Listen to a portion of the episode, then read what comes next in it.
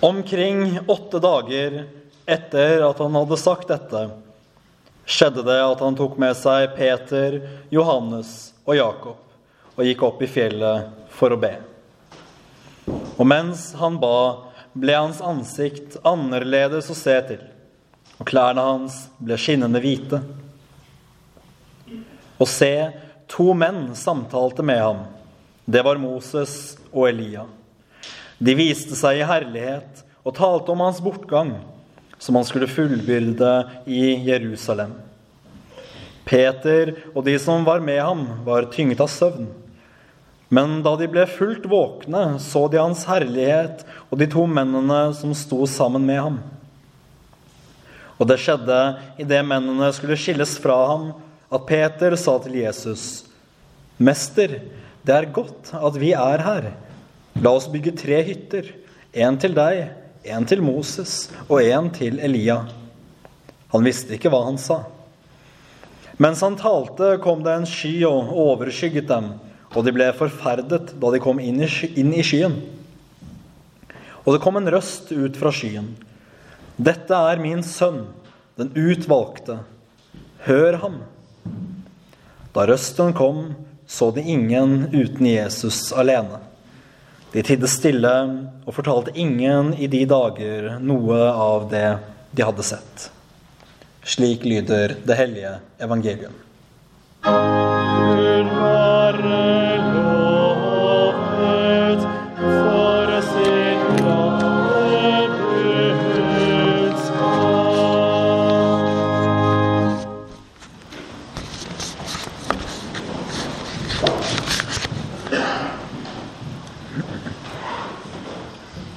Hellige Fader, hellige oss i sannheten. Ditt ord er sannhet.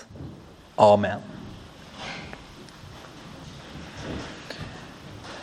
Jeg vil eh, begynne med å si noen ord om israelsfolket for å mm, danne et eh, form for bakteppe.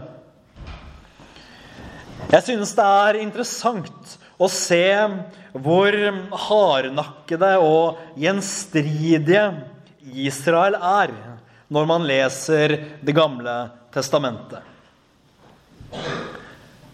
De har vært slaver i Egypt. Og på vei ut, når de er fridd, så bare klager de. De vender seg mot Moses. Første gang Moses er på fjellet for å hente tavlene med de ti bud, med Guds vilje for et menneskes liv. Mens han er der oppe for Den teksten vi hørte lest nå fra Moseboken i sted, det er jo andre gang Moses er på fjellet. For første gang, da han kom ned etter å ha talt med Herren, så hadde folket laget seg en gullkalv, en avgud. Så Moses knuste steintavlene i frustrasjon og måtte hente nye bud. Eller altså de samme budene, men en gang til. Det gir egentlig ikke mening at Israel var så hardnakkede og vanskelige å ha med å gjøre. For de hadde jo Gud så levende for seg. De vandret jo virkelig med Gud.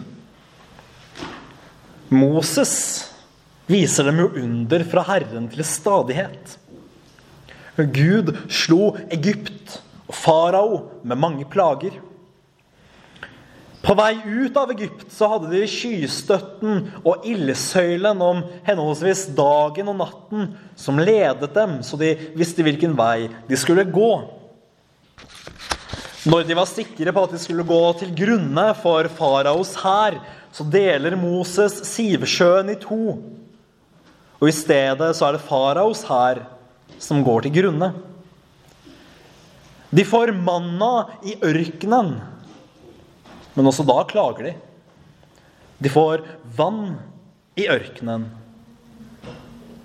De så så mange under, og de hadde Gud så levende for seg. Likevel så er de så vanskelige. Og likevel så vender de seg støtt og stadig bort fra Herren. Og da tenker jeg på dette. at hvis du føler at Guds tålmodighet med deg, din egen synd og din egen gjenstridighet Hvis du føler at du er vanskelig Men hvis du føler at du er vanskelig Hvis du føler at nå er det vel snart på tide at Gud sin tålmodighet med meg er slutt, så se til Israel. Se til Israel, for der finner du det beste vitnesbyrdet om Guds tålmodighet. Hvis du noen gang skulle tvile på at Gud er tålmodig, eller at Gud er nådig, se til Israel. Og jeg tenker som så at Gud Fader skal ha takk for sin tålmodighet. For alternativet for oss mennesker som er vanskelige, og som til stadighet vender oss bort, selv når vi faktisk vet bedre, det er at vi hadde gått til grunne. For er ikke vi også like gjenstridige som Israel? Vender ikke også vi oss til stadighet bort fra Gud? Både som fellesskap og som enkeltmennesker?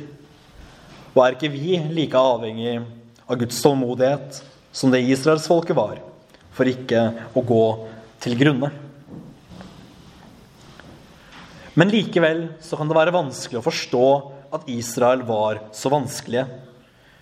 De hadde jo den levende Gud så klart foran seg for, som det kunne bli.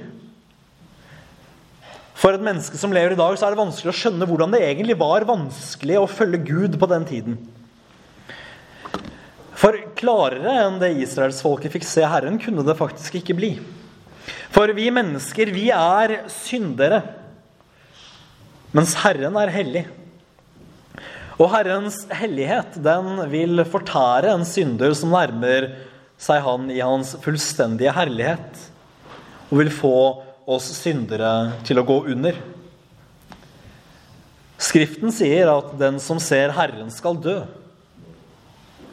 Og Grunnen til dette er jo fordi en synder ganske enkelt ikke kan overleve i Guds hellige nærhet. Gud er hellig vi er syndere. Gud er ren, og vi er urene. Derfor var det nødvendig at Gud viste seg på andre måter for folket. For Moses så viste han seg i en brennende busk. Ellers i en sky, som vi leste denne gangen fra Moseboken.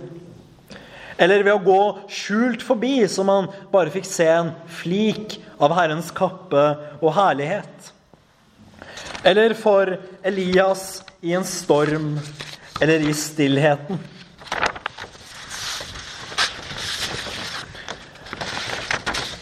Og når Moses i skyen på fjellet, der han for andre gang tar imot Guds bud Når han da får se en liten bit av Guds herlighet, da stråler ansiktet hans av en slik glans at de må legge et slør over det for å dempe det. Og jeg tenker at det er dypt og vakkert for oss som kirke i dag å vite hvordan Jesus har snudd opp ned på dette.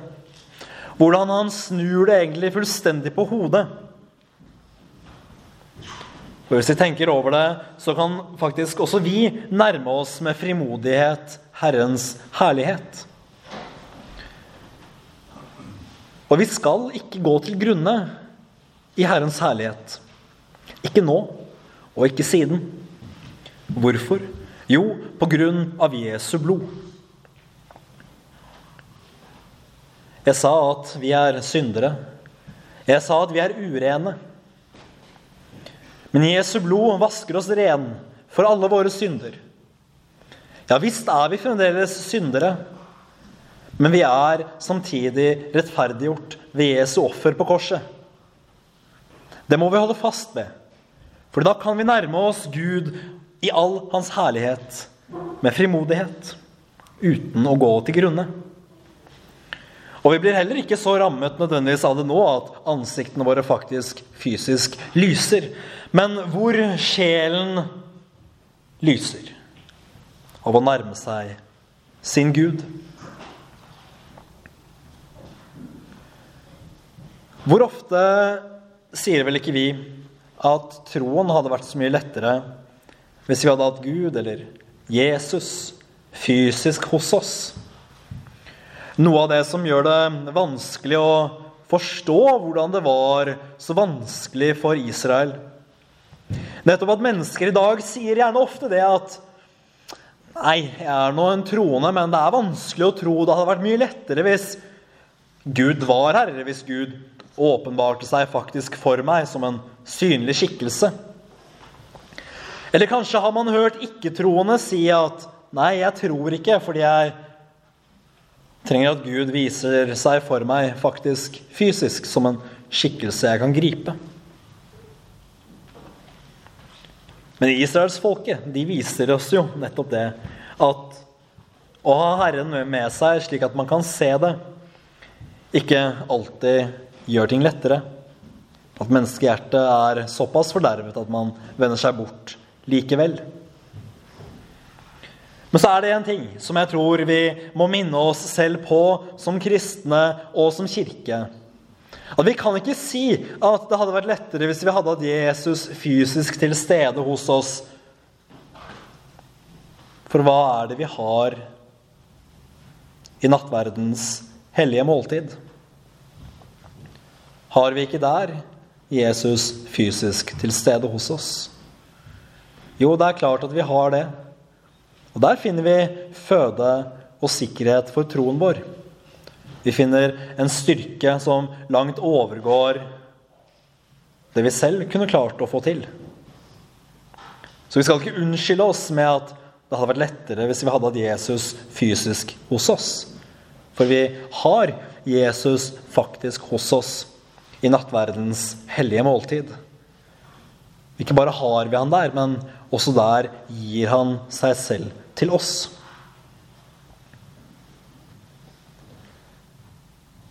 La oss bevege oss nå til fjellet hvor Jesus har tatt med seg disiplene. Det var jo flere grunner til at de var gått dit. Hovedgrunnen den kommer jeg til etter hvert. Men jeg har lyst til å først stoppe litt ved dette og søke stillheten og ensomheten med Herren. For Jesus fikk etter hvert en stor flokk med folk som fulgte ham. Det var ofte mye mennesker rundt dem, og da kunne det være godt for de nærmeste disiplene og for Jesus selv å komme seg litt unna. Tre disipler fikk være med opp i fjellet. De skulle opp i fjellet for å be.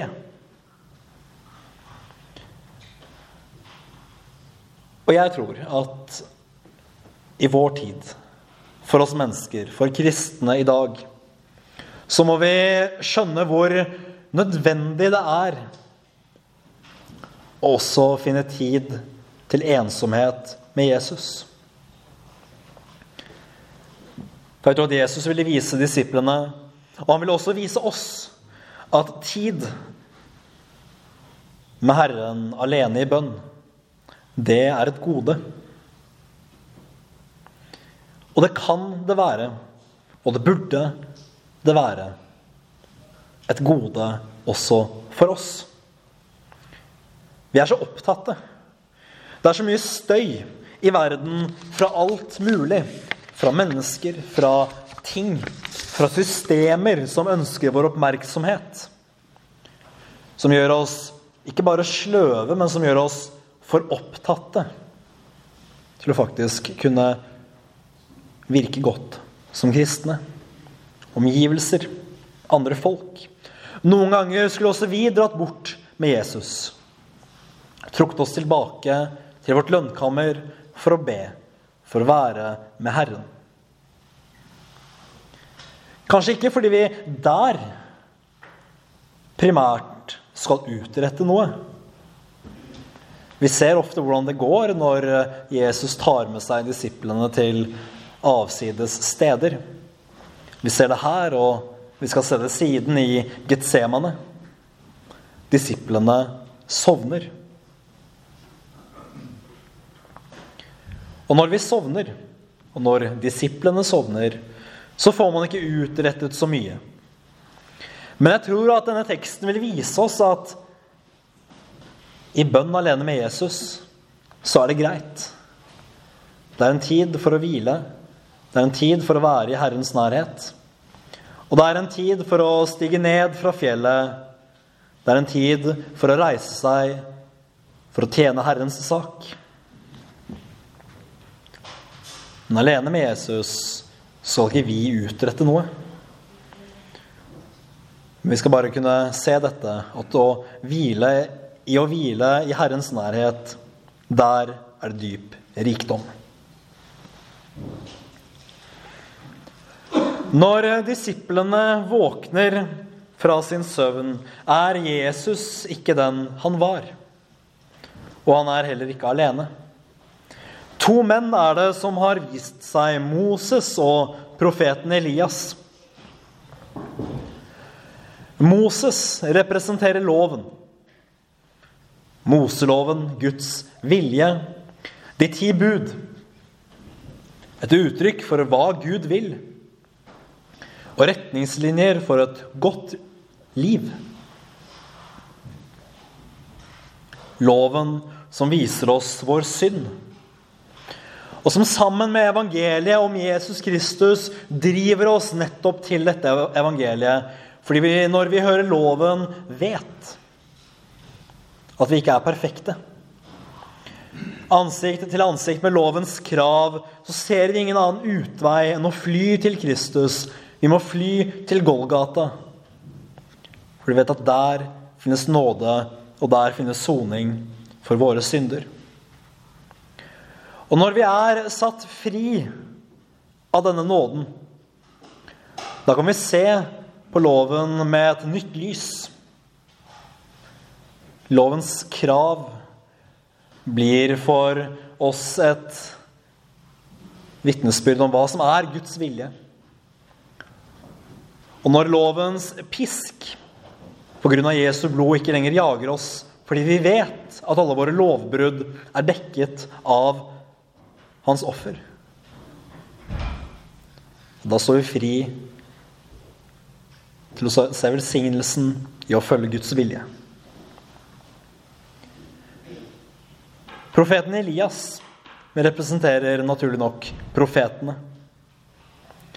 Den lange rekke av profeter som først og fremst maner Guds folk til omvendelse. Og som alltid peker på den frelse som venter de som vender om. Alle profetene peker, på, ta, peker på og taler om Kristus. Og vel kan profetenes forkynnelse virke hard. Vend om eller møt vreden, sier de. Men i omvendelsens pekefinger for den som har hørt evangeliet, er det trygghet. Fordi vi vet at i det vi, i det vi vender om, så finnes det nåde. Og her, på fjellet Tabor, samtaler jødedommens to grunnpilarer, loven og profetene, med Jesus. De samtaler om hvor veien skal gå. Det Jesus skal fullføre, den utgang hans liv skal få. Og vi ser her det vi vet, at Jesus Kristus er oppfyllelsen av både loven og profetene.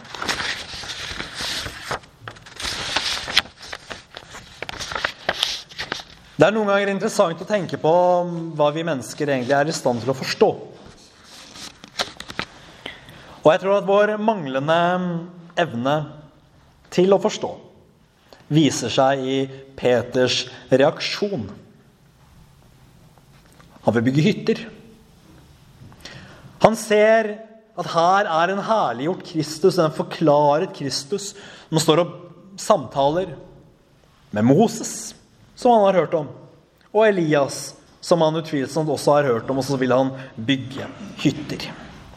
Som om Moses og Elias skulle trenge det. Det framstår nesten absurd. Ikke bare nesten. Men vi kan tenke oss det at den herlighet og glans som de er vitne til, gjør dem ute av stand til å tenke klart. Egentlig er det ikke så rart. Altså, hvordan hadde vi reagert hvis det samme hadde hendt oss? Og jeg tror at Guds hellige lys kan blende enhver av oss, så vi først blir forvirrede.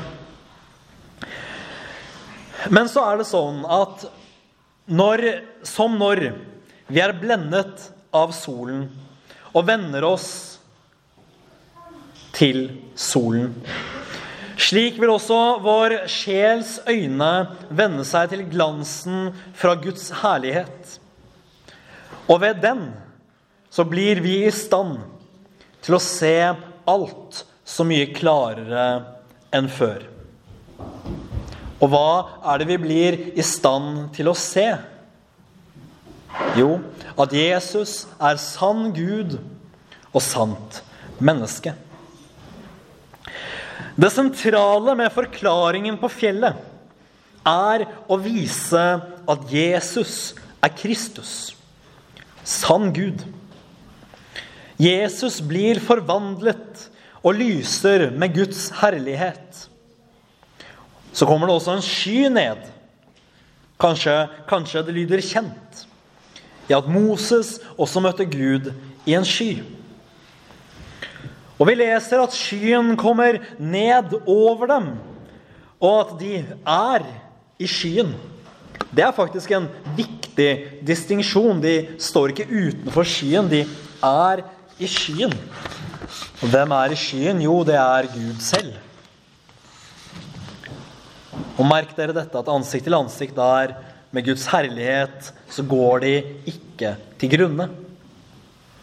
Men de blir rett nok grepede av frykt. Det er kanskje ikke så rart. Så kommer det en stemme fra skyen.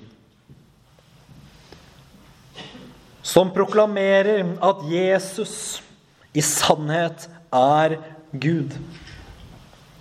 For Moses og profeten Elias, de er viktige skikkelser. Man kommer ikke utenom hvor viktige de er. Som representanter for det hele troen på fedrenes Gud fram til da har bygget på. Men Jesus han får en tittel som verken Moses eller profeten Elias, disse store gudsmenn fra gammel tid, får. Dette er min sønn, den utvalgte. Og dette er viktig, fordi vi skal se her at den mann vi hittil har kjent som snekkersønnen fra Nasaret, han er noe mer. Han er ikke bare et menneske, han er også sann Gud. Han er noe mer enn en vis mann og en undergjører, en trollmann som kan gjøre mektige gjerninger. Han er Guds sønn. Så dette er altså vitnesbyrdet. Her står vi med det. Vitnesbyrdet om hvem Jesus Kristus er som man gjerne spør seg hvem er dette? Hva er dette for en? Faderen har svart. Fedrene, gjennom Moses og Elia, har svart. Brødrene, gjennom disiplene, har svart. Hva svarer vi? Vi har hørt Jesus selv si at han er Herre. Gud Fader lar sin stemme lyde likeså, og vitnesbyrdet fra fedrene og brødrene stemmer i, og vi ser samlet Skriftens svar på spørsmålet om hvem Jesus Kristus er. Så hva sier vi? Hvem sier så vi at Jesus er? Er vi rede til å bekjenne ham som Herre i alt? Er vi rede til å fullstendig erkjenne at Jesus er Kristus, Guds sønn og Herre, som har vært kirkens bekjennelse i 2000 år? Oppfordringen når det kommer til dette fra Gud Fader selv, er ikke til å ta feil av. Dette er min sønn, den utvalgte. Vi vet hvem det er. Følgende kommer nå. Hør ham. Dette er Guds sønn. Han skal høres. Hør ham. Her er det ikke snakk om gråsoner. Her er det ikke snakk om hvis at det og om at det og kanskje hvis jeg vil. Nei, denne mann, dette gudmennesket Kristus, skal høres. Og hvorfor skal vi høre Jesus? Hvorfor skal vi lyde Jesus? Jo, han skal høres fordi han er sendt fra Gud selv. Hans budskap, hans gjerninger, hans blodige korsdød vitner om dette. Skriften vitner om dette, og de gamle fedre vitner om dette på samme måte.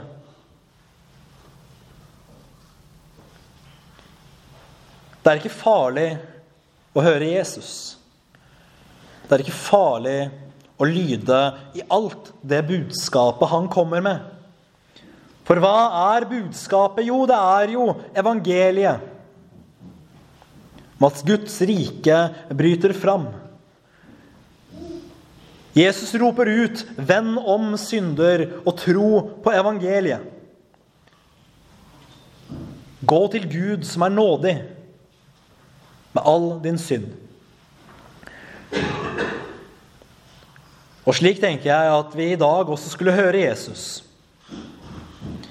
Skulle høre Jesus og ikke vende det døve øret til. Ikke late som at han sier ting han ikke har sagt. Eller late som at han ikke har sagt det han sa. Kanskje venter noen på en åpenbaring fra Gud. Men Kirken har alltid bekjent, sammen med apostlene, at åpenbaringen har kommet. Vi har åpenbaringen i Jesus Kristus, og vi har vitnesbyrda om dette i Den hellige skrift. Vi skulle høre Jesus og aldri vike fra hans lære. Fordi vi kan ikke unnskylde oss med at det er vanskelig. Vi kan ikke si at hadde vi vært som Israels folke, hadde vi hatt Gud hos oss, så skulle vi holdt oss til Han. Hadde vi bare hatt Skulle vi klart oss bedre? Vi har noe som er bedre enn det israelsfolket hadde. Vi har evangeliet om Jesus Kristus. Og dette skulle vi holde oss til og aldri vike, enten til høyre eller til venstre, fra det Jesus har lært oss. Hør ham! Befalingen fra Gud Fader er entydig. Hør ham, alt han har å si. For jeg tenker meg dette at vender vi oss bort fra noe, så vender vi oss bort fra alt. Kirken er ikke, eller Jesu lære, er ikke en uh, buffé hvor man kan velge det man vil og forkaste det andre. Vender man seg bort fra noe, så vender man seg bort fra alt. Og da har man et problem. For er det én ting vi absolutt ikke vil vende oss bort ifra, så er det evangeliet. Det kjære, dyrebare, kostelige evangeliet som kostet vår frelser alt.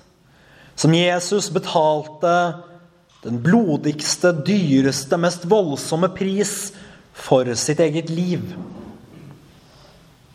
For å vinne oss evangeliet. Om Guds nådige forlatelse av en stakkars synders mange lovbrudd som gjør at vi kan frimodig bekjenne at Gud er nådig, Ja visst er Gud vred på synd. Ja visst skal Guds dom komme. Men like visst har Jesus Kristus dødd på korset. Like visst er Gud nådig. Like visst elsker Gud oss med den kjærlighet som gjør at han ikke engang sparer sin eneste sønn, Jesus Kristus, for vår skyld. Dette er et godt budskap. Det skulle vi høre. Det skulle vi lyde. Det skulle vi med all vår makt bevare, overlevere og selv tro. Som om selve saligheten avhenger av det. For det er nettopp det det gjør. Ære være Faderen og Sønnen og Den hellige ånd, som var, her og blir en sann Gud, fra evighet og til evighet. Amen.